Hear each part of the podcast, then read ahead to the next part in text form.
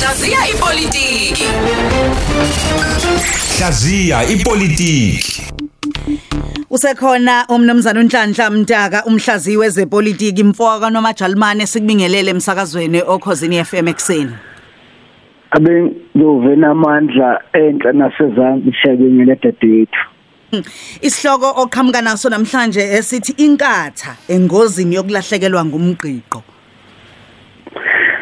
dadewethu ngingakangeni nje esihlokweni mhlawumbe ke ngisho okuncane ukuthi emhlabeni jikelele alikho iqembu lake lanqoba ukhetho ngamalungu alo. Ngiyakuphinda lokhu. Mm. emhlabeni jikelele alikho iqembu lake lanqoba ukhetho ngamalungu alo. Ngamafuphi ufike uvotelwe ngamalungu akho abemancane bese ke inqwaba le iqhamuka kubantu abazwelana nawe abangewona amalungu akho. Inkatha ke okhethweni ledlule ibe nenhlanhla ukuthi iningi labantu lizwe umyalezo walo ngoba kunezinto ezimbili okube kuhle ukwenza kwayo. Okokuqala lokho kuthiwa imanifesto yayo ngicabanga ukuthi eningizimu Afrika mhlambe mengabange yokuqala ihamba phambili ingabe isibili ngokuhleleka kwayo namaphuzu ayo amahle nalandelanayo ngalokho yenza umsebenzi oncomekayo okwesibili iyakwazi ukuthi ngalesikhathi iningi lamaqembu abohlanga uma ushintsha izandla kuthatha umholi kuvama ukuba nomsindo kodwa bona bakwazi ukuthi bawubambe lo msindo uma ukhona ube ngaphakathi thina abanye ngaphandle akusuboni izinto ezimbili ababenza kahle kuzo nengicabanga ukuthi eh alikho elinye iqembu kuleminyaka njengamashumi amathathu eselike lakwenza lokho. Sengikusho konke lokho. Ngibona leli qembu lizoba nenkinga uma lenza kancane. Ngisho ngani na? Okokuqala kufuneke njengoba selinqobe omasipala abaningi kwaZulu Natal libatshene abantu ngamalungu alo kanjalo nomphakathi ukuthi kuze kube kuphela unyaka losikona wemali abanawo amandla amakhulu okuguqula izinto. Hlale ngikusho lokhu uthi osopolitiki abafunda ukukhuluma iqiniso ngoba iqiniso liyobakhulula.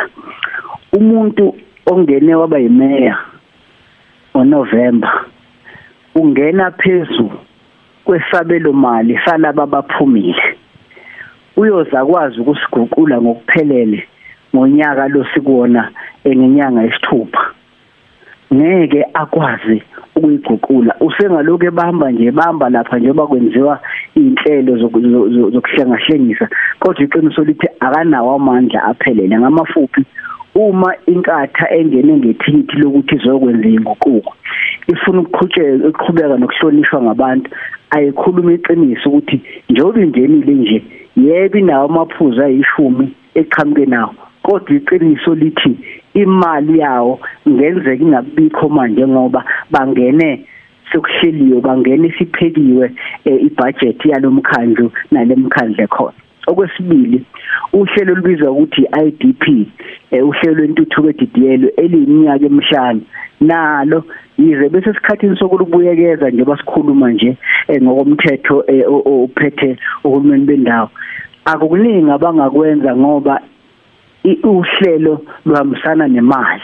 Ngamafuphi inkatha uma ingafuni ukulahlekelwa umqiqo yokuba iqembu elize nenguquko ayiqale nje ngokukhuluma iqiniso ukuthi bakithi ngesikwazi ukuguqula okunye manje silindeni ongenani lenyanga yesithupha kulonyaka sobe sesinamandla mhlawumbe oqhamuka nebudget noma nesabelo mali esingasikhulumela sisivikele njengabaholi abasha.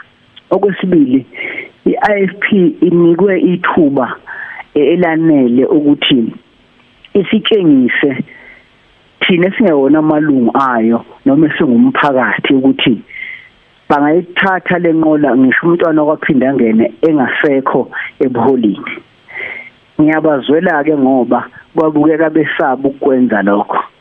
Iqiniso lithi njengoba sibona dadewethu IFP eh iphatheke kahle nje abantu banembuzo abayibuza yona ukuthi uma engasekho umntwana ngempela ngenxa yezimo zemvelo nanoma yini bayokwazini ukuzwana abantu abakhona manje kwa-FP umbono wami uthi uma bengakwazi ukusitshengisa lokho njengeningizimu Afrika ikhona inkinga ezayo ukuthi umntwana mengasekho bazokabana eh bangaphinde babuyelane.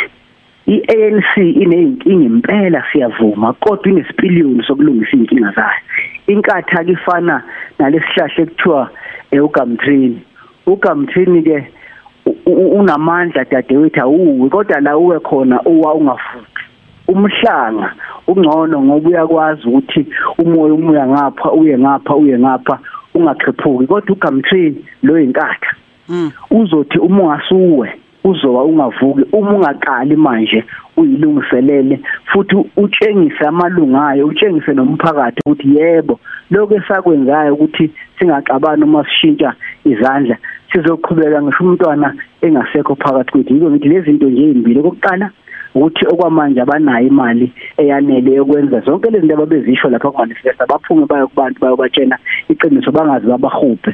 Okwesibili abatshengisa izwe phela ukuthi yebo umntwana ubasebenzele ubasebenzela ngisho kule minyaka kuyo. Bamgijimisha kule minyaka umbeqala ukuthi kube khona umholo oneminyaka ngomntwana agijime amarali awu30 ngesikhathi esingangenyanga.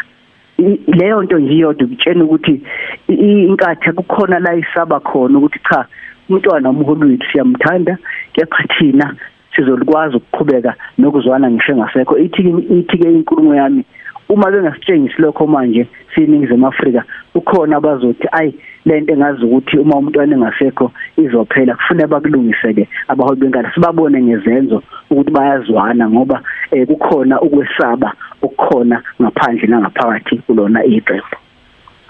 Ngiyazi ukuthi ke eh lolu daba uyaliqhuba naseinkundleni zokuxhumana. Mhlawumbe eh, abafisa ukwazi kabanzi ngakho nabafisa ukulandela nje kule nkulumo eh, okhuluma ngayo bengenza kanjani?